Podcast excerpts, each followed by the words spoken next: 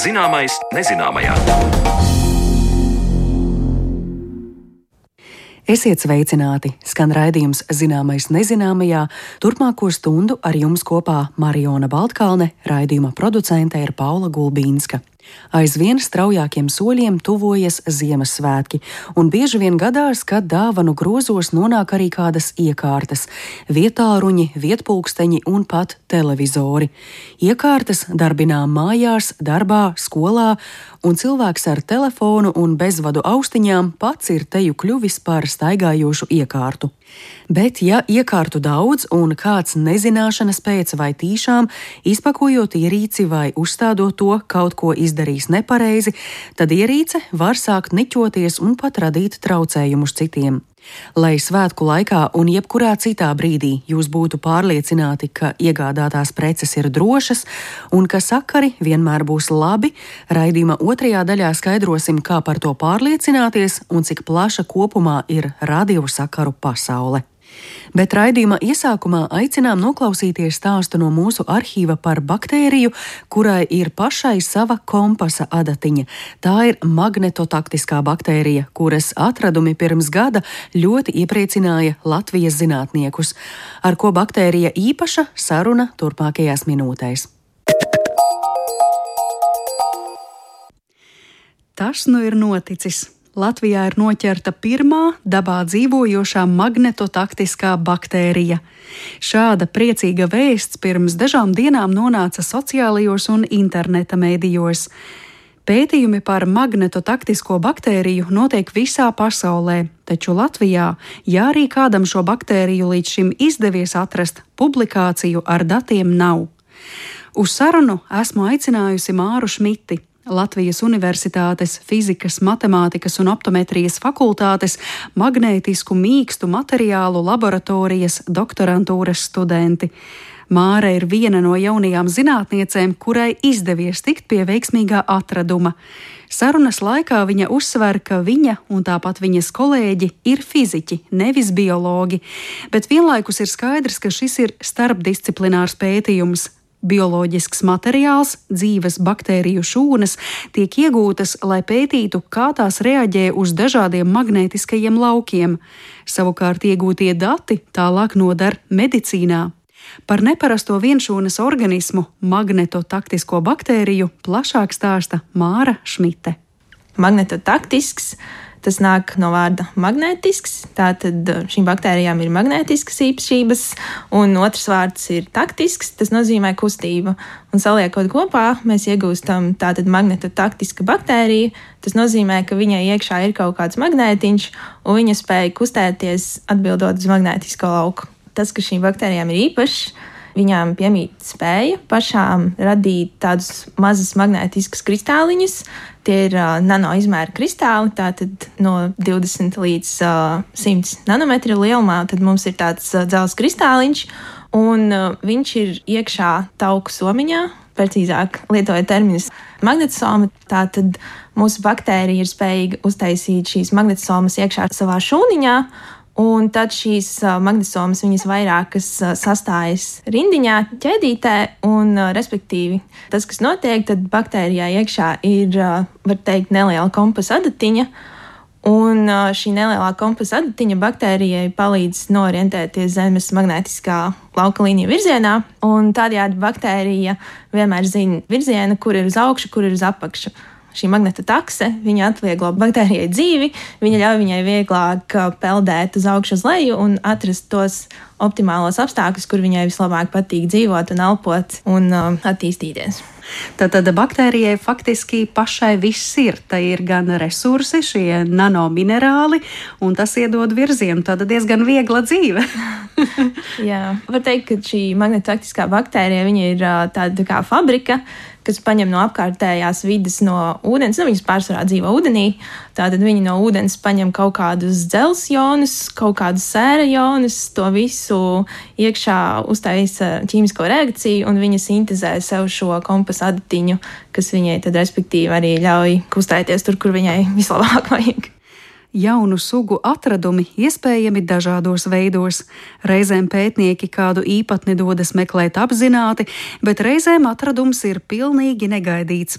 Tāpēc arī Mārai Šmitei jautāju, kāds ir bijis viņas stāsts un kā izdevies nonākt pie veiksmīgā atklājuma.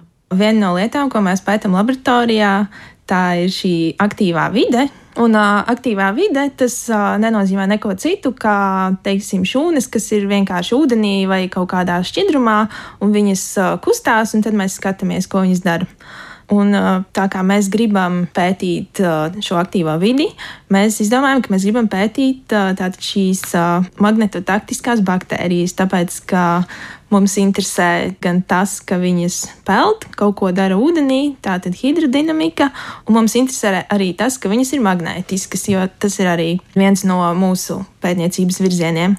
Un mums bija jādomā, kā mums tikt pie šī baktēriju parauga. Tad, ko mums darīt? Viens no variantiem, protams, ir uzaudzēt pašiem, ko arī es šobrīd daru laboratorijā. Bet tas nav tik vienkārši, jo tur ir ļoti daudz lietas, kas ir jāzina, un jāzina arī recepte. Tātad mēs paņemsim mūsu mēģini, mēs paņemam ūdeni, un tad tur ir vēl kādas 10 līdz 50 ķīmijas, ko mēs piebaram klāt noteiktās proporcijās. Konkrēti šīm baktērijām viņām lielākoties arī nepatīk skābeklis, tātad gaisa viņām ir inde, Un tad mēs arī cenšamies nodrošināt tādu slāpekļa atmosfēru mēģinē.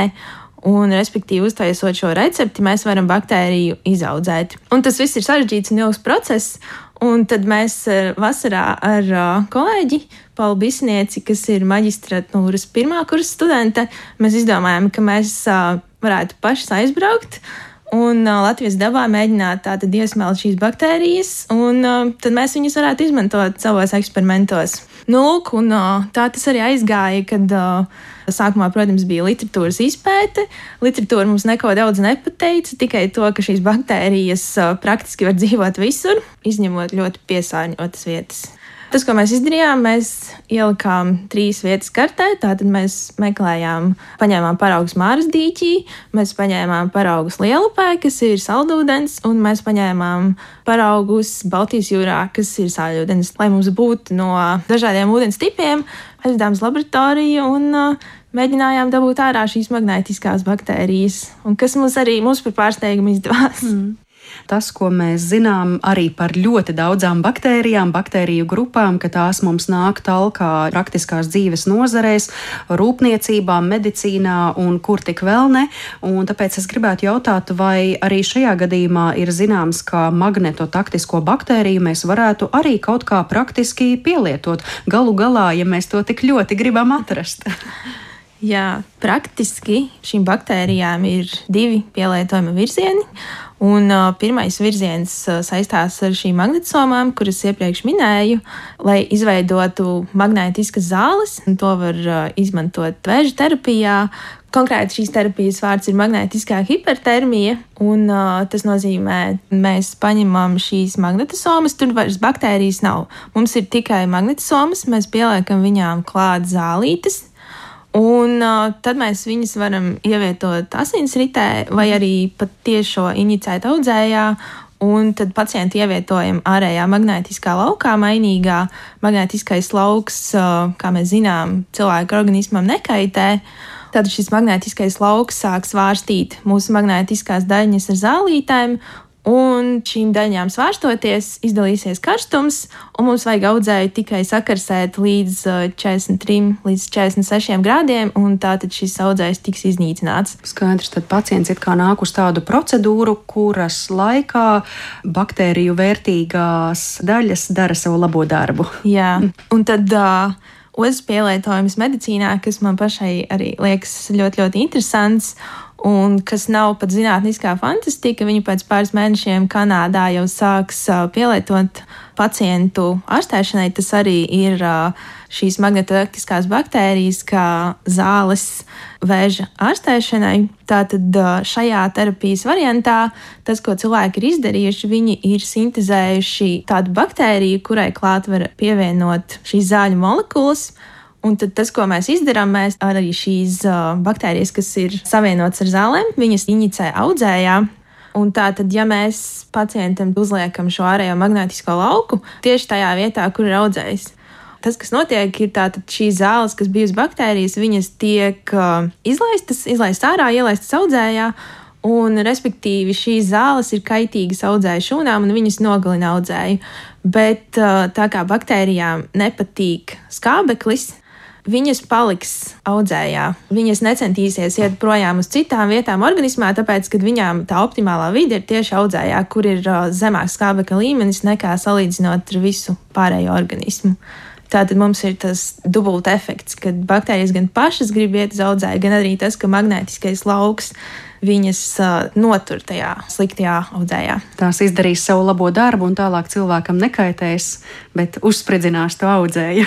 jā, jā šīs ir mhm. arī, arī svarīga lieta, tas, ka magnetotaktiskās baktērijas viņas nav patogēnas un uh, viņas cilvēka organismā nomirst uh, 30 minūšu līdz pāris stundu laikā. Tādēļ par to pilnībā nav jāuztraucas. Kādas ir šīs terapijas priekšrocības? Tās ir tādas, ka pirmkārt mums nav vajadzīga ķīmijterapija. Ķīmijterapija, kā mēs zinām, iedarbojas uz visām cilvēku šūnām, ne tikai sliktajām, un tas ir uh, organismam kaitīgi. Otrs bonus ir tāds, ka mums nav nepieciešama radiācijas terapija, kas arī ir kaitīga veseliem audiem.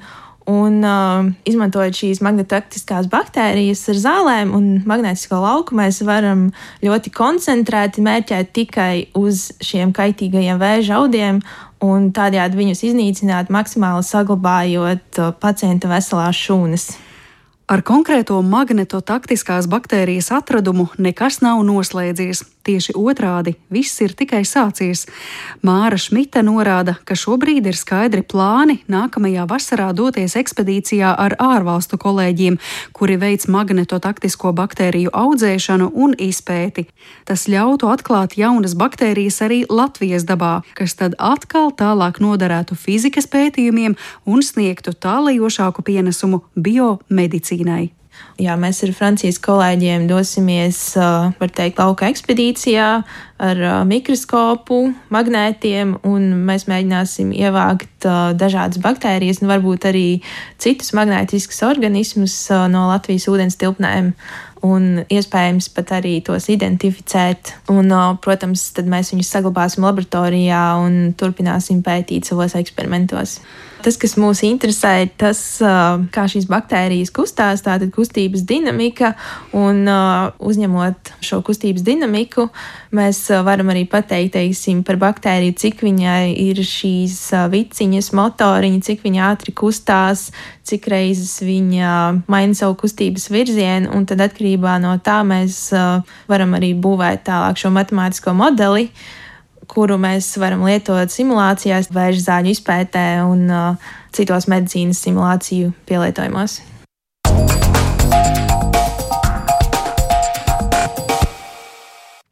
Par magnetotaktiskās baktērijas unikālo spēju orientēties apkārtējā vidē dzirdējāt sižetu no mūsu arhīva un sarunu ar Māru Šmiti. Bet kā orientēties plašajā radiosakaru apjomā un kā atšķirt, kura iekārta derīga un kura ne, par to plašāk raidījuma otrajā daļā pēc brīža.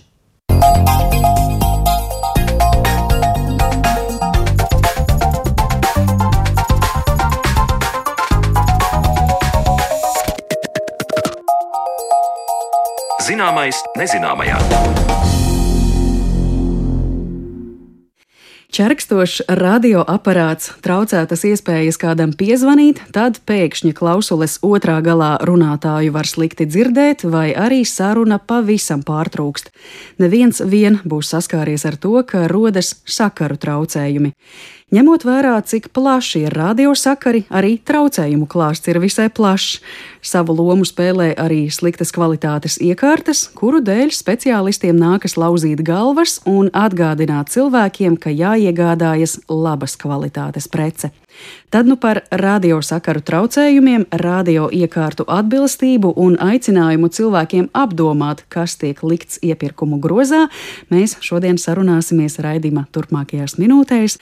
Un pie mums viesos valsts akciju sabiedrības elektroniskie sakari, radiofrekvenču uzraudzības departamenta atbilstības novērtēšanas nodaļas vadītājs Māris Čamans. Labdien! Labdien! Jā, un no šī paša uzņēmuma un arī no šī paša departamenta, bet radiofrekvenču monitoringa un kontroles nodaļas vadītājs Lauris Labanovskis. Labdien! Labdien! Mēs eh, vasarā kopā ar jūsu kolēģi Rinaldu Ritmani arī tikāmies eh, šajā pašā raidījumā un nedaudz ieskicējām to, kas var radīt radiosakaru traucējumus, un, protams, arī runājām par to, cik plaši var būt radiosakari. Saistībā ar sakaru traucējumiem minējām to, ka tos var radīt gan, piemēram, saules aktivitāte, gan arī sliktas kvalitātes iekārtas. Mēs šodien šim stāstam, teiksim tā, piešķirsim nākamo lapusi, nākamo nodaļu, un par sakaru traucējumiem runāsim plašāk. Bet es domāju, ka iesākumā būtu vērtīgi atgādināt eh, radioklausītājiem, kādas ierīces mēs vispār ikdienā izmantojam, kur šie radio sakari spēlē būtisku lomu. Nu, viena lieta, kas noteikti visiem ir skaidra, protams, protams radioaparāti un telefoni, bet varbūt jūs varat to paraksturot tālāk saistībā ar kādām mājasaimniecības iekārtām, iekārtām, ko mēs liekam automašīnās. Kāds ir tas spektrs? Varbūt mēs pat nenojaušam, cik tas ir liels. Lauri? Jā, es varbūt tās sākšu nedaudz. Um, jūs jau pareizi pieminējāt redzamākās tādas ikdienišķākās lietas, kā mobilais telefons, radioaparāts, bet, protams, ka ir daudz un dažādas citādas ierīces Mēs redzam, uz ēku jumtiem ir daudz dažādas antenas, dažādu formu antenas. Tāpat tās Latvijas teritorijā un arī citās valstīs ir daudz dažādi torņi, kuri apkabināti ar, ar antēnām. Arī sakaru veidi, kas tiek izmantoti speciālajām vajadzībām, tātad rācijas, radiorelē līnijas, tiksim, datu pārraidē lielos attālumos. Tāpat tās globālā navigācijas sistēma, ko mūsdienās ļoti aktīvi izmanto. Ja, tad praktiski katrā telefonā ir GPS uztvērējs radiodāmās rotaļlietas bērniem Ziemassvētkiem citreiz uzdāvina un ne tikai. Tad, principā, jebkas, kas darbojas izmantojot uh, bezvadu sakarus, jeb radioviļņus, ja, tad ir rūters mājās, mm. Bluetooth, ja daudziem pazīstamais, Wi-Fi, tātad bezvadu internets. Kāda būtu tā atšķirība ar Bluetooth, šo zilo zobu? Kas ir tās iekārtas, kur šis Bluetooth mums daudz ienāk iekšā? Telefoni? Ļoti vienkārši, ļoti vienkārši. Tas ir divi dažādas datu pārraides tehnoloģijas. Bet viņas darbojas tajā pašā frekvenču joslā, 2,4 GHz. Jā, ja mēs skatāmies pa frekvenču joslām. Taču, nu, teiksim, tā Bluetooth ir paredzēts mazākam darbības attālumam, mazākiem datu pārraides ātrumiem. Savukārt Wi-Fi standarts paredz to, ka ir iespēja pārraidīt lielākus datu pārraides ātrumus, ja, tad nu, starp datoru un internetu piekļuves punktu un tam līdzīgi, nu, un arī lielāks attālums nodrošināt to pārklājumu, teiksim, tā mājas robežās, kaut kādas ēkas robežās, ja to uztaisīt. Un arī, protams, var būvēt Wi-Fi tādu kā tīklu, ja, tad um, plašākas iespējas, teiksim, tam. Ja, tad, ja mēs skatāmies, nu, tad divi dažādi pielietojumi. Mm. Jā, jā, es varbūt papildināšu to mūsdienu tendenci, ka radiokārtu moduļi tiek iebūvēti ar vien vairāk mūsu ikdienas sadzīves tehnikās, sadzīves iekārtās, tādējādi padarot tās viedas un iespēju viņus attālināt, vadīt un savādāk izmantot. Jā, tā ir tā nākotnes tendence, ka viss iekārts būs iedas un saslēgtas internetā. Es vēl iedomājos, taču cilvēki lieto šos eh, robotiņus māju uzkopšanai un arī dārzos eh, mauriņu nopļaušanai. Šķiet, ir arī tādas bērnu aukles, nu, šo vārdu aukles liksim pēdiņās, kas ziņo par kaut ko, kas bērnam varētu būt noticis. Tad pārsvaru ņem, ka ir kaut kas, kas mūsu ikdienu kontrolē. Tā tiešām ir jau šobrīd pat iespējams būtu vieglāk nosaukt lietu, kurā nav iebūvēts kāds radiomodulis, bet arī tur izdomās to pielietojumu, kāpēc tur jāiebūvē.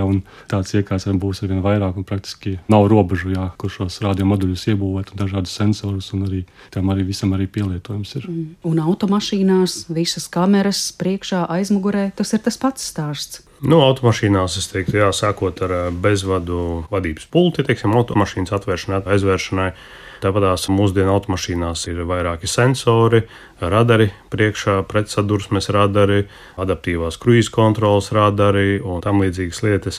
Mašīnas tiek pieblīvētas ar šādu veidu elektroniskajām ierīcēm ātruma mērīšanas radari uz ielām, tie, kas ir policijas rīcībā, tie, kas ir fiksētie fotoradari, tie arī savā darbībā izmanto radioviļņus, jā, radiosignālu noteiktās frekvencēs dažāda veida radio noteikšanas iekārtas, kuras izmanto piemēram aviācijā. Jā, tad arī gan radari, gan komunikācijas iekārtas starp lidmašīnu pilotiem un dispečeriem, gan arī lidostās, teiksim, navigācijas iekārtas pie lidmašīnas nosēšanās, jā, instrumentālās vadības iekārtas un tam līdzīgi. Klāsts ir ļoti plašs. Mm. Mēs vēl nepieskārāmies izplatījuma sakariem, tātad satelītiem un tādām lietām. Nu jā, tātad sākot tiešām no mūsu dzīvojamās istabas un bērnu aukles vai robotiņa, kas mājās tīra grīdu, līdz pat kosmosam.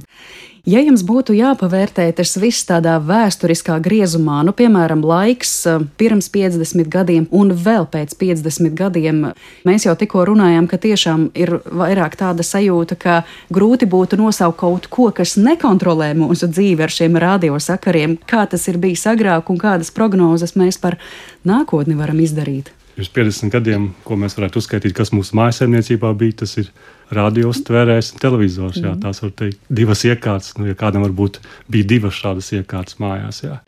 Bet nāca laiks uz priekšu, tehnoloģijas attīstījās. 90. gados mēs jau sākām iepazīt pirmos radiotelefonus, kurus pieslēdzām pie fiksētām līnijām. Tādējādi ar to bezvadu klausuli varējām jau staigāt pa istabu, mm. iziet pagalmā, sāk parādīties pirmie mobilie tāluņi. Iespējams, daudzi klausītāji neatcerās, bet bija tāda pārējoša tehnoloģija kā pageri, kuri tika izmantoti. Un manā skatījumā nāca 2000. gads ar tādu lielu sprādzienu, kad parādījās tādas divas būtiskas tehnoloģijas kā Wi-Fi un Bluetooth, kuras šobrīd mēs joprojām lietojam ļoti plaši un viņas tiek iebūvētas dažādākās iekārtās. Un šīs tehnoloģijas arī nākotnē būs viens no tām vadošajām tehnoloģijām, kuras tiks plaši izmantotas Un šobrīd jau strādā spektra organizācijas, tādas kā elektroniskie sakari, un viņi partneri visā pasaulē meklē jaunas frekvences, lai šīs tehnoloģijas, Wi-Fi un Bluetooth varētu izmantot arī jaunās frekvenču joslās. Un mēs, kā spektra pārvaldes institūcija un lietošanas uzraudzības institūcija, ļoti intensīvi sekojam līdzi, kādas ir tās tendences, kādas ir tās prognozes, cik daudz iekārtas tiks lietotas nākotnē, un šobrīd ir tāds aplēses, ka pēc vieniem prognozes datiem ir teikts, ka jau šogad uz vienu Eiropas Savienības lietotāju ir deviņas radioiekārtas. Tātad tas nav tikai mobilais tālrunis, bet jau, ko mēs iepriekš minējām, tie, tie ir visāds viedierīces, viedie pulksteņi un arī visas tās sadzīves tehnikas ar iebūtiem radiomoduļiem. Un tā nākotnes tendence rāda, ka 30. gadā uz vienu pasaules iedzīvotāju būs vismaz 15 radioiekārtas, Un ir tādas citas institūcijas, kas paziņo, ka tās būs vairāki desmit un pat 50 un vairāk. Un šeit jau sāk parādīties tādas iekārtas, kur tiek runāts par specifiskiem implantiem, par specifiskiem sensoriem. Būs implantēti cilvēkiem, kuri jau sekos līdzi mūsu veselības stāvoklim, mūsu asinsspiedienam, un to informāciju automātiski sūtīs mums uz tālruni mūsu ģimenes ārstam. Jā. Un mēs, kā uzraudzības iestāde, šobrīd intensīvi tam sekojam līdzi un jau laicīgi šobrīd attīstam savu tehniskos resursus, izglītojam savus darbiniekus, paaugstinām viņu kompetenci, ieviešam dažādas inovācijas mūsu uzņēmumā. Jau parādījušies pirmie mākslīgi intelekta risinājumi mūsu uzņēmumā, un nākotnē būs ar to vairāk. Un, protams, lielu nozīmi un uzmanību mēs pievēršam arī preventīviem pasākumiem, lai izglītotu sabiedrību, lai stāstītu, kas tad jāņem vērā, iegādāties iekārtas un vēlāk viņas lietojot. Jūsu uzņēmums, kurā darbojaties, daudz rūpējas arī par radio iekārtu atbilstību. Vai tas ietver to, ka jūs uh, sekojat līdzi, lai tā tad nenotiktu radio sakaru traucējumi, vai tas drīzāk ir paredzēts tam, kā viena vai otra iekārta var savā starpā draudzēties, cik tās ir atbilstošas pēc noteiktiem kvalitātes standartiem, marķējumiem, ko ietver šis vārdu salikums? Ja runājam par vārdu kvalitāti, tad normatīvi akti tādu terminu neizmanto, bet normatīvos tiek runāts par terminu, ka iekārtai jāatbilst kaut kādām prasībām noteiktām. Un varbūt atskatoties mazliet soli atpakaļ, frekvenču spektrs ir ierobežots resurss. Tātad šajā spektrā ir jāspēj sadarboties daudzām iekārtām. Diemžēl mēs nevaram katrai individuālajai iekārtai piešķirt savu frekvenci. Pat tehnoloģijas ir tādas, kuras darbojas savā starpā vienā tā pašā frekvenču joslā. Un tāpēc pie šādām prasībām strādā pētniecības institūti, standartizācijas organizācijas, arī tādas institūcijas kā elektroniskie sakari, kuri kopā meklē tos risinājumus un veidus, kā tās iekārtas savā starpā varētu sadarboties kādas ir tās minimālās prasības, lai viņas neradītu traucējumus, kā arī pašas būtu spējīgas šajā elektromagnētiskajā vidē strādāt. Un tad tiek izstrādātas tādas prasības, kuras tiek iestrādātas vēlāk normatīvos aktos un standartos. Un mēs esam organizācija, kuras skatās, vai šīs iekārtas atbilst šīm noteiktajām prasībām.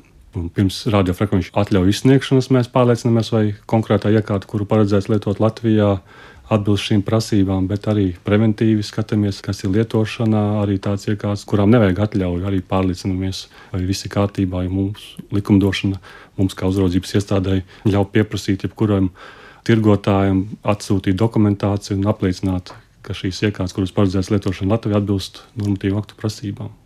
Tad radio iekārtu atbilstība, vai tas nozīmētu to, ka, piemēram, es esmu mājās un viss, ko es tur lietoju, ir radioaparāts un mans telefons un televizors, un tad šis jau pieminētais grīdu tīrošais robotiņš un bērnu aukle un veļas mašīna, ka tie visi var savstarpēji katrs pastāvēt un cits citam netraucēt. Un tas pats, piemēram, notiek, kad es Iesēžos automašīnā, un tur atkal ir piemēram mans pulkstenis uz rokas, man skan telefonā radio, vēl kaut kāda kamera, un tas viss tā neitrāli ir kopā, neviens nevienam netraucē dzīvi. Nu, tā tā tiešām arī ir.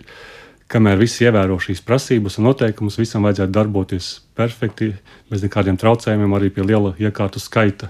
Problēmas sāk rasties, kad kāds neievēro vai no iznezināšanas vai no nekompetences dēļ vai kādu citu iemeslu dēļ sāk pārkāpt, kaut ko neievēro, un tad var rasties arī traucējumi. Kā piemēram, ka lietotājs nav vienkārši izlasījis lietošanas instrukciju un nav veicis atbilstošus konfigurāciju iekārtai, un iekārta pēc noklusējuma sāk radīt traucējumus citām iekārtām, ja viņi vienkārši darbojas joslās, kuras Latvijā nav atļautas vai arī ražotājs kaut kādu iemeslu dēļ iespējams pārbūvē jau uzbūvētu iekārtu, ievieš kaut kādas jaunas komponentes vai aizvieto kaut kādu barošanas bloku ar citu vai lētāku. Un beigās nav pārliecināts, ka nav veicis atbilstošus testus. Jā, tā, tādas iekārtas arī pastāv risks, ka viņas varētu radīt traucējumus. Tas ir aptuveni kā lietot vairākus medikamentus vienlaikus, kas viens otram var radīt traucējumus, jo tas ķīmiskais sastāvs varbūt iet pretrunā. Nu, ļoti labs piemērs. Jā. Mēs aizgūsim šo piemēru jau savos citos jā. pasākumos. Jā, šis tā varētu būt. Jā. Kamēr viss ir līmenī, nu, atbilst noteiktajām prasībām, visam vajadzētu būt kārtībā. Jā. Nu tad, pievēršoties radio sakaru traucējumiem, jūs Mārija jau šo stāstu ievadījāt, eh, ka cilvēks kaut ko nav noregulējis, izlasījis lietošanas instrukciju, kaut ko konfigurējis eh, nepareizi. Varat tad eh, vēlreiz izdalīt tās biežākās grupas, kāpēc mums rodas kaut kādi sakaru traucējumi, kā es te ievadā pieminēju, čerksta radioaparāts, tad es kādam zvanu, un cilvēks saka, es tevi nedzirdu, vai es saku, savukārt, es tevi nedzirdu, tad pēkšņi saruna pārtrūkst, un tas ir tikai viens piemērs noteikti starp daudziem citiem, kādi traucējumi mums var parādīties. Kāpēc tas notiek viss? Jā, nu īstenībā jūs jau sākumā pieminējāt, ka iemesli radio traucējumiem var būt gan dabas parādības, mm. gan arī cilvēku radīti. Patiesībā mēs varam dažādi iedalīt tiksim, tos iemeslus un kategorijas veidot. Bet es tiešām jā, gribētu nodalīt tās lietas, kas saistītas ar dabas parādībām, jā, piemēram, ar tālo signālu izplatību, ar zibens izlādi. Jā, varbūt kādreiz ir dzirdēts, kā arī radio programmu uztverot ar FM uztvērēju, ir kaut kāda čerkstoņa negaisa laikā lieli vēji, jā, elektrības zudumi kaut kādos Latvijas reģionos, sakaru līniju, tādu maģistrālo sakaru līniju pārtrūkumi, jā, kaut kādi bojājumi. Jā. Tāpat ir kaut kādi eksotiskāki gadījumi, kad, piemēram, tāda intensīva snikšana notiek un tur notiek elektriskā izlāde inducēšanās antēnās, un attiecīgi parādās troksnis radiosakaru sistēmās un tam līdzīgi. Jā, un otra liela kategorija ir cilvēku radītie traucējumi Un pēc būtības tur ir uh, iekārtas, kuras ir pieslēgtas elektrībai. Tā var būt gan elektriska, gan elektroniska iekārta. Uh, kurā kaut kādā brīdī, kaut kāda iemesla dēļ var sākt um, ģenerēt, jeb radīt uh, trokšņu signālus, traucējušus signālus, kuri trāpīs tajā frekvenču kanālā, kur darbojas citas ierīces. Vienkārši. Lūk, un, uh, tur atkal var uh, iedalīt tādās kategorijās. Viena kategorija tāda noteikti būtu jāpiemina, ir ierīces, kuras principā paredzētas viņas uzbūvētas darbam citā pasaules reģionā. Piemēram, nu, tad, ja mēs skatāmies Amerikas reģionā, ir iekārtas, kuras darbojas tā saucamajā ISM 900 MHz joslā. Jā, tad tās, tās dažādas sadzīves iekārtas, maza darbības attāluma iekārtas, un ja viņas atved uz Eiropu un sāk izmantot Eiropā, nu, tad rodas problēma. Tad tā iekārta sāks traucēt visdrīzāk publisko mobilo sakaru tīklu. Ja, tur ir bijuši gadījumi dažādi, un tā skaitā, piemēram, tā bērnu uzraudzības ierīce, ja, kas mazus bērnus teiksim, pieskata, ir bijusi tāda, kas paredzēta teiksim, Amerikas reģionam. To, kādas ir frekvences Latvijā, Amerikas Savienotajās valstīs, tas, kā es saprotu, ir tāds starptautiski pieņemtais standarts, pēc kura vienkārši vadās, pēc kura jūs vadāties kā nacionāla mēroga uzņēmums, un tieši tāpat tas ir citās valstīs. Jā, tieši tā. Nu, tad um, pasaulē nosacīta iedalīta trīs lielos reģionos. Tādos, ja. Pirmais reģions tas ir uh, Eiropa, Āfrika. Otrs reģions ir Amerikas, trešais reģions - Austrālija, Okeānija, Āzija. Un katrā reģionā ir nu, teiksim, tā specifisks frekvenču sadalījums. Ir lietas, kas sakrīt teiksim, pēc pielietojuma, konkrētas eh, frekvenču joslas sakrīt visos reģionos, bet ir vairākas frekvenču joslas, kuras ir paredzētas eh, darbam nu, kaut kādām atšķirīgām sakaru lietām. Lūk, un arī tās iekārtas arī attiecīgi tiek ražotas, nu, lai viņas spētu darboties tajās frekvenču joslās šo konfigurēšanu tam, lai ierīci pārvedot uz Eiropu, lai tā atbilstu mūsu videi, kurš to nosaka, cik daudz jūs tajā procesā iesaistāties, pirms tā aiziet apritē tirsniecībā? Jā, kā var atzīt to iekārtu, kur tiksim, ir paredzēta Eiropas reģionam? Viņai jābūt CE marķējumam. Ja? ja tā ir paredzēta tikai Amerikas tirgum, tad būs FCC, tātad FCC, lielie burti, tādas speciāls marķējums. Un, ja savukārt ir abi marķējumi, tad varēs izmantot gan tur, gan tur. Es varbūt piebildīšu, jā, nu, ka ir tādas iekārtu grupas, nu, kuras, diemžēl, iegādājas Amerikā. Viņas Eiropā ar kādiem tur atbilstības novērtēšanas procesiem vairs nevar pārveidot, ja viņiem vienkārši iebūvēts radio modulis, kurš darbojas tikai tajās frekvencēs, kas ir paredzētas Amerikas reģionā un šeit viņš nav izmantojams vairs. Jā. Mm. Tagad tur jābūt ļoti uzmanīgiem. Bet tad uh, tiešām, uh, kā te Lauris uh, minēja, atvedot tās iekārtas no okeāna otras puses, kuri tad ir tie filtri, kuriem Latvijā tās iekārtas vēl var iziet cauri, lai, piemēram, pielāgotu mūsu tirgumu, ja tas ir iespējams, protams. Mums Latvijā ir tirgus uzraudzības iestāde patērētāja tiesība aizsardzības centrs, kuri veic uzraudzības gan interneta veikalos, gan fiziskajos veikalos, gan arī muitā. Bet, ja tā ir kaut kāda individuālā viena paciņa, kaut kāda atsūtīta, nu, tur vairs filtrs vairs nekāds neeksistē. Tikai tik, cik pircējs ir bijis uzmanīgs un iegādājoties un pasūtot, ir pievērsts uzmanību marķējumam, atbilstību un tam līdzīgi. Labi, tā tad eh, no citas pasaules malas atvestas iekārtas ar citām eh, frekvencēm cilvēks pats kaut ko neuzmanīgi izlasa, bet eh, vēl viens šķērslis labiem radiosakariem varētu būt vienkārši sliktas kvalitātes iekārtas. Jūs, Māri, arī teicāt, ka tā statistika, kas mums veidojas pašreizējā brīdī un attiecībā uz nākotni par to, cik mēs daudz tās iekārtas izmantojam, rada arī risku, un tad tas risks varbūt ir tajā, ka tā kā mums to iekārtu ir ļoti, ļoti daudz, tad tajās noteikti būs arī kaut kas sliktas kvalitātes, vai, kā tautā saka, slikti gadgeti. Kas tad ir šīs sliktās kvalitātes iekārtas? Kaut kas nolietojies, kaut kādi komponenti, kas ir iepirkti lētajos tirgos, kā tas viss traucē radiosakariem? Par laimi šeit gribētu teikt, ka lēta iekārta nevienmēr nozīmē sliktas kvalitātes iekārta. Gan mums esam savā dzīvē saskārušies tādiem piemēriem, gan arī mūsu partneris patērētāju tiesību aizsardzības centrs ir devis daudz dažādus piemērus, ka arī ļoti dārgas un tūkstošiem vērtas iekārtas ir neatbilstošas. Šeit vairāk būtu jāpievērš uzmanību, vai ražotājs ir veicis visus nepieciešamos pasākumus, lai pārliecinātos, vai tā iekārta, ko viņš licis tirgu, ir atbilstoša un veicis visus pasākumus, ir notestējis viņu un atbilstoši nomarķējis un izdevis atbilstības deklarāciju, un tādējādi paziņot, ka ar šo iekārtu viss ir kārtībā. Bet cena pa laimi šis nav tas faktors. Bet nu, tie iemesli, jā, iespējams, ražotājs mēģinot ietaupīt vai kaut kādas izmaiņas, ir ielicis iekšā lētāku komponenti vai arī nav veicis atbilstības novērtēšanu pilnā apjomā. Viņš, piemēram, veicot testus, nomēra iekārtas uzvedību kaut kādās zemajās frekvencēs un pieņēmis, nu, ja zemējās frekvencēs viņš nekādas trokšņus nerada, visdrīzāk viss būs kārtībā arī augstajās frekvencēs, bet reālā dzīve parāda arī, ka iekārtas mēdz iesvārstīties, jā, un parādās tādi traucējumi kaut kādās ļoti, ļoti augstās frekvencēs, jā, un ko ražotājs nemaz nav veicis un nav pārliecinājis.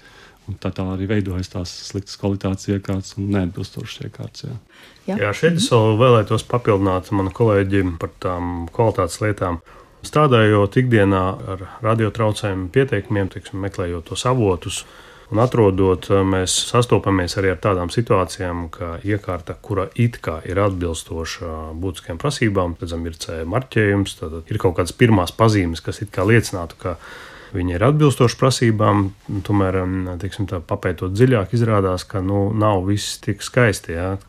Patiesībā līdz galam droši vien tā atbilstība nav novērtēta, un viņi faktiski viņi strādā nu, ar kaut kādiem blakus izstarojumiem, kuri trāpa citos frekvenču kanālos. Viņi strādā nepareizajās frekvenču joslās, viņu īsti nav iespējams saprogrammēt, noregulēt tā, kā viņu būtu nepieciešams izdarīt. Tāpēc, diemžēl, jāsaka, ka realitāte ir tāda, ka var būt arī situācijas, ka nu, ir diezgan izaicinoši saprast, kā tur ir patiesībā tad eh, es domāju, šajā situācijā var palīdzēt eh, mūsu uzņēmums, elektroniskie sakari un kolēģi no atbilstības novērtēšanas nodaļas. Viņi ir daudz pieredzējušāki, viņiem ir iespējas noskaidrot, ja, tad eh, konkrētā iekārta tad ir atbilstoša vai nav atbilstoša.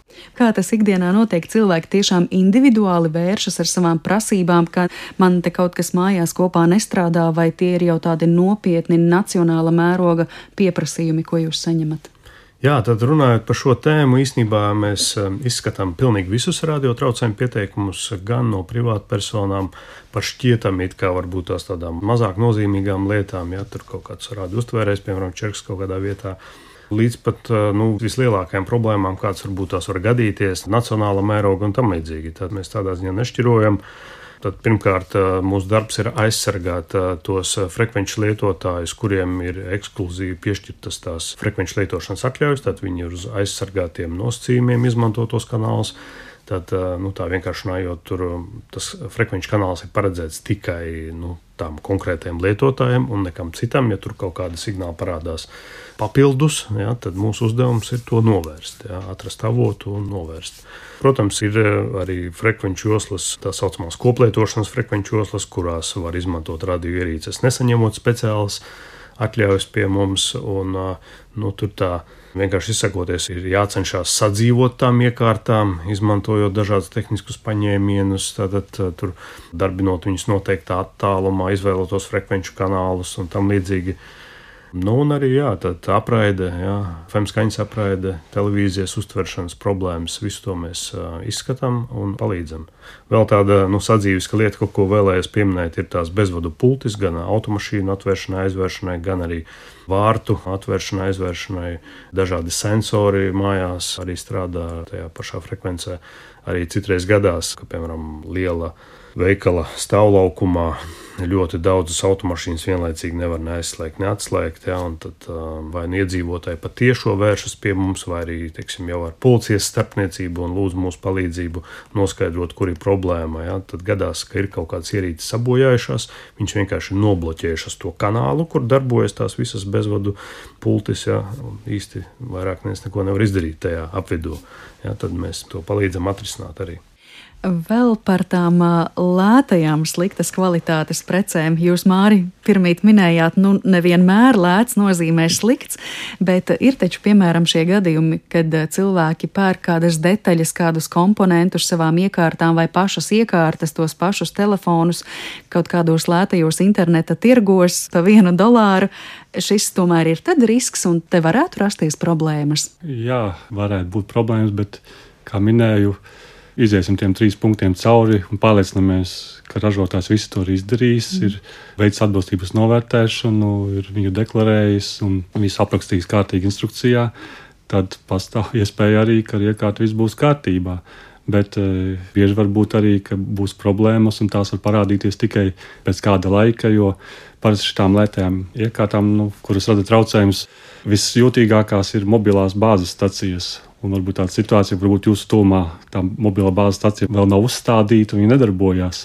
Un ir arī tādi bijuši gadījumi, kad eh, lietotājs saka, ka es šo iekārtu jau lietoju vairākus gadus, un jūs tikai tagad pie manis atnākat un sakat, ka ir problēmas. Bet vienkārši ir tāda situācija, ka kaut kādā nesenā periodā ir uzstādīta jauna bāzes stacija, un viņi uzreiz ir pirmais, kurš visvairāk un visspēcīgāk jūt šo traucējumu avotu, un par to mums arī uzreiz ziņoja.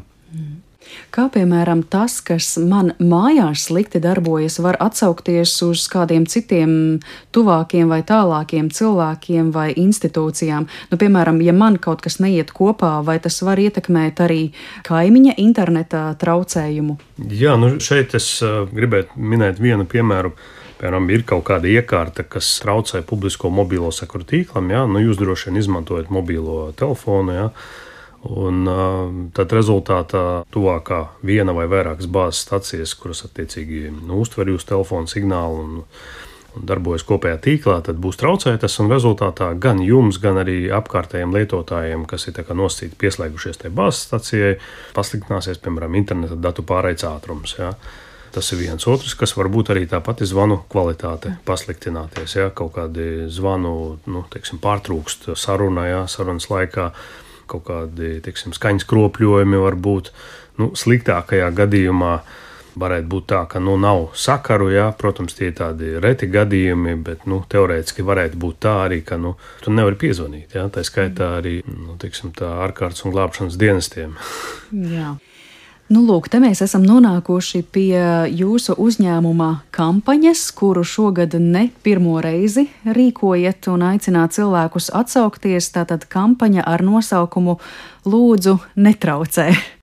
Cik ilgi jūs jau tādu radāt, kāpēc un kādi līdz šim ir bijuši panākumi, uzrunājot cilvēkus? Kampaņu ar nosaukumu Lūdzu, netraucē mēs rīkojam otro gadu, bet uh, pilnīgi šo pašu laika periodu mēs jau kādu piekto pat vairāk gadus ar tādu pašu mērķi esam rīkojuši līdzīgas kampaņas. Un galvenais uzdevums mums ir pievērst uh, radiokārtu pircēju un vēlāk lietotāju uzmanību, ko mēs iegādājamies, liekam tajās dāvana paciņās, un arī vēlāk lietotāji, kas izpako ārā viņus, lai pievērš uzmanību, ka jāizlasa instrukcija, kā atbilstoši viņu jāieslēdz un jāizmanto, lai tas dāvinājuma prieks vēlāk neizvēršas par tādu nepatīkamu pasākumu, ka viņi iespējams nedarbojas atbilstoši vai arī pat rada traucējumus, ja viņu esat spiest izslēgt un nedrīkst vairs viņu lietot. Jā. Tad patiešām tā sanāk, ka neuzmanīgi izlasot instrukciju, es pats arī kā lietotājs varu šo iekārtu sabojāt un radīt radiosakaru traucējumus sev un iespējams vēl kādam. Nu, jā, tāds tipiskākais piemērs mums ir video novērošanas sistēmas, kas ir ļoti bieži traucējuma avots pēdējā laikā. Un tur ir viens no nosacījumiem, ka iekārtā jāievada attiecīgais reģions, kur viņš tiks izmantots. Jāieraksta, vai tā ir Latvija vai Eiropas Savienība. Ja tu to neizdari, tad iekārta pēc noklusējuma darbojas frekvenču joslās, kuras Latvijā nemaz nav atļautas. Un tā, tā ir tāda maza nianse, bet uh, tas ir instrukcijā uzrakstīts. Ja lietotājs to nav izlasījis, viņš vienkārši ieslēdz, viņam viss ir kā darbojās, bet viņš varbūt nejūt, jā, ka kaimiņam tajā brīdī mobilos tālrunis nedarbojas, vai iespējams pats kaut kādā momentā sāk aptvērt, jā, ka man kaut kas ar sakariem nav. Video kamera darbojas viss kārtībā, bet uh, mobilā sakari ir pasliktinājušies. Jā. Mm. Un tas tāda maza nianse vienkārši neesmu iepazinies lietošanas instrukciju. Kādi varbūt rezultāti secinājumi pēc pagājušā gada kampaņas? Sākotnēji mēs likām akcentu uz tā saucamo DECT 6.0 standarta radioiekārtu lietošanu. Teiksim, informējam iedzīvotājus, ka nu, Latvijā nedrīkst izmantot šīs standarta iekārtas. Tas ir tas pats bezvadu telefons, kur izmantoja mājās, ja, pieslēgtu pie telefona līnijas. Ja, vienkārši tu vari ar klausulīti staigāt pa to māju. Ir tās iekārtas, kas paredzētas Amerikas reģionam, un kaut kādā daudzumā viņas ir parādījušās Latvijā lietošanā. Zinām, laiku tā bija problēma, tāpēc arī mēs akciju taisījām, informējām par to. Tad mainījās tas akcents, mēs tā kā plašāk runājam par tām lietām, tā kā šodien. Un, uh, es teiktu, ka visdrīzāk uh, šāda kampaņa ir devusi rezultātu, jo to mēs redzam statistikā, radio traucējumu pieteikumu skaitā, kas pēdējos divos gados ir samazinājies. Gribētu domāt, ka daļēji tas saistīts ar šo kampaņu, protams, bet ne tikai, ja, jo mēs veicam daudz dažādus arī citus pasākumus, kā piemēram sadarbība ar patērētāju tiesību aizsardzības centru noteiktās situācijās, lai Latvijas tirgu neparādās tās iekārtas, kuras nav atbilstošas un viņas masveidā izplatās. Ja. Ja mums iepriekšējos gados bija aptuveni 230 radiotraucējumu pieteikumi gadā, tad pēdējos divos gados tie ir apmēram 160 traucējumu pieteikumi gadā. Ja? Tad mm. kopš mēs aktīvi veicam to kampaņu. Bet tas aicinājums tā tad ir tieši šajā periodā līdz Ziemassvētkiem, kad cilvēki bieži vien izvēloties dāvanas, izvēlas arī radioiekārtas. Jā, tieši šīs kampaņas mērķis, jā, tā tieši līdz Ziemassvētku laikiem, bet kā kolēģis Lauris minēja, jā, ka mēs tāds informatīvs pasākums rīkojam regulāri visu gada garumā. Bieži vien tas ir ņemot vērā tā brīža situāciju, ja parādās kāda iekārtu grupa, kas sāk radīt daudz traucējumus vai kaut kādas problēmas ar viņiem, tad arī tad mēs rīkojam tās individuālās kampaņas, nelielās. Tieši tā mēs eh, par tām lietām runājam visā gada garumā, protams, bet mēs eh, runājam par tām lietām skaļāk, tuvojoties Ziemassvētkiem. Jo gluži vienkārši ir dāvana laiks, mm. un uh, ir vērts varbūt šajā brīdī vērst cilvēku uzmanību uz to. Vai jūs cilvēkus mudinat arī piedomāt par to, cik daudz galu galā mēs šīs iekārtas pērkam. Te es atkal atsaucos uz to, ko jūs, Māri, pirmī teicāt eh, par šiem statistikas datiem, cik daudz šobrīd iekārtu ir uz vienu iedzīvotāju. Nu, varbūt tomēr padomāt, ka tik daudz nevajag vienam cilvēkam, cik tur bija deviņas radio iekārtas uz vienu iedzīvotāju Eiropas Savienībā. Ja? Nu, es varbūt gribētu teikt tā, ka mūsu uzņēmums ir inovatīvs uzņēmums. Mēs esam ieinteresēti, lai Latvija būtu tehnoloģiski attīstīta valsts, un mēs pat pretēji nevis sakām, ka nelietojiet, bet mēs aicinām izmantot viedierīces, aicinām izmantot viņu iespējas, jo šobrīd daudzas viedierīces mums ļauj ietaupīt resursus, ļauj ietaupīt elektrību, siltumu un citus resursus, un daudz iespējams pat neiedomājās. Jā, ka viedierīces ļauj ietaupīt arī laiku, nevis tikai laika zagļi, ko mēs pavadām sociālos tīklos, bet arī, kā jūs minējāt, tajā laikā, kamēr viedais robots tīra mūsu māju un pļauj mūsu mauriņus, mums ir brīvs laiks, lai mūsu ģimenei, mūsu hobijiem un tuviniekiem. Jā. Mūsu mērķis ir lietojiet iekās, bet lietojiet viņus saprātīgi, uzmanīgi, ievērot visas prasības. Un, ja visi ievēros tās prasības, tad tavu iekārtu skaitam vairs nav nozīmes. Visām vajag darboties atbilstoši un viss būs kārtībā. Jā. Tā kā viedierīces mēs aicinām un lietojiet, izmantojiet. Nav mūsu mērķis ierobežot. Nu tad, eh, saliekot punktus uz īšai mūsu sarunai, tad eh, es secinu, ka būtiskākais, kam cilvēkiem būtu jāpievērš uzmanība, pirmkārt, protams, ejot uz veikalu vai iegādājoties šīs preces internetā, skatīties iepakojumu, skatīties marķējumu, kādi tur ir burtiņi virsū, Tālākais solis varētu būt uzmanīgi instalēt. Māris māja ar galvu, pareiza secību saku. Nu, jā, varbūt mēs vienmēr savās akcijās lūdzam cilvēkiem, pircējiem ievērot tās trīs būtiskās prasības. Jā. Un, ja tās izpildās, tad, tad visam vajadzētu būt kārtībā. Pirmkārt, pārliecinamies, ka iekārta marķēta ar C zīmi. Tā C zīmē jābūt gan uz iekārtas, gan uz iepakojuma. Tā C zīme nozīmē, ka šī iekārta ir paredzēta lietošanai Eiropas Savienībā šo zīmju ražotājs apliecina, ka viņš ir veicis visas atbilstības novērtēšanas procedūras.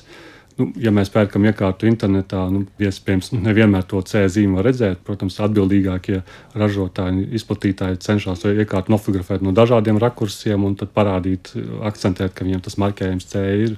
Ja mēs tādu neredzam, nu, mums kā patērētājiem ir pilnīgas tiesības prasīt izplatītājiem, lai viņš atsūta fotografiju vai kaut kā apliecina, jā, ka šī iekārta ir ar C zīmi. Otrā pazīme, ko mēs arī aicinām, ir vaicāt uh, tirgotājiem, lai uzrāda iekārtas atbilstības deklarāciju. Tātad šis ir dokuments, ar kuru ražotājs uzņemas atbildību, ka šī iekārta ir atbilstoša. Viņš apliecina, ka viņš ir veicis visus testus, viņš apliecina, ka iekārta ir droša, viņa strādās atbilstošajās frekvencijās, ar atbilstošiem parametriem un arī mācās strādāt elektromagnētiskajā vidē. Un trešais punkts, ko mēs aicinām ievērot arī pirms iekārtas iegādes, iepazīties ar iekārtas lietošanas ierobežojumiem, kuri ir aprakstīti iekārtas instrukcijā. Jo var būt gadījums, ka jūs nopērkat iekārtu, bet viņa neatbilst jūsu prasībām. Jo ir tādas frekvenču joslas, kuras, piemēram, drīkst lietot telpās, un jūs nopērkat, piemēram, video kameru.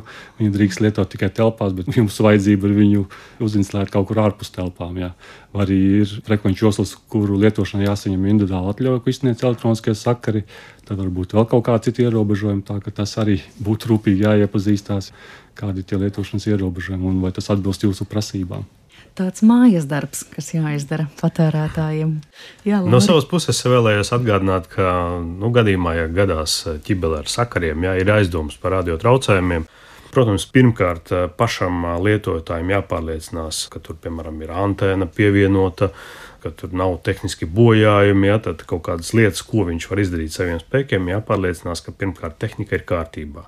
Ja ir pamatots aizdoms, ka tur ir traucējumi, tad jāvēršas pie mums. Un, Mēs noteikti to izskatīsim palīdzēsim. Ja kurš var pieteikt tos traucējumu pieteikumus, izmantojot mūsu mājaslapu www.vases.lv, tad tur ir eh, izstrādāta interaktīva forma, kur pietiekami tādā vienkāršā, ātrā veidā var ievadīt būtiskāko informāciju. Protams, eh, var sūtīt e-pastus, var zvanīt mūsu klientu speciālistiem, tad dažādos veidos var pieteikt tos traucējumus. Tas viss tiks eh, reģistrēts, pienācīgi izskatīts un sniegt atbildē. Tā kā galvenais ir rīkoties. Nu, lūk, aicinājums, atgādinājums, tuvojoties svētkiem par to piedomāt, lai pašiem mierīgāka ikdiena kaimiņiem un varbūt pat vēl kādiem citiem nacionāla mēroga uzņēmumiem un visiem citiem apkārtējiem. Paldies jums liels šodien par sarunu, par to, ka šim sakaru muģeklim izvedāt cauri, un es atgādināšu klausītājiem, ka ar mums šodien kopā bija valsts akciju sabiedrības elektroniskie sakari radiofrekvenču uzraudzības departamenta atbilstības novērtēšanas nodaļas vadītājs Māris Čamans un viņa kolēģis radiofrekvenču monitoringa un kontroles nodaļas vadītājs Lauris Labanovskis. Lai jums mierpilni svētki un lai ar sakariem viss kārtībā. Paldies! Paldies! Paldies arī jums, klausītāji! Un šo raidījumu veidoja Paula Gulbīnska, Kristīna Delle, Girts Bišs un pie mikrofona pie sakariem bija arī Mariona Baltkalne. Uz sadzirdēšanos jau nākamajā raidījumā. Visu labu!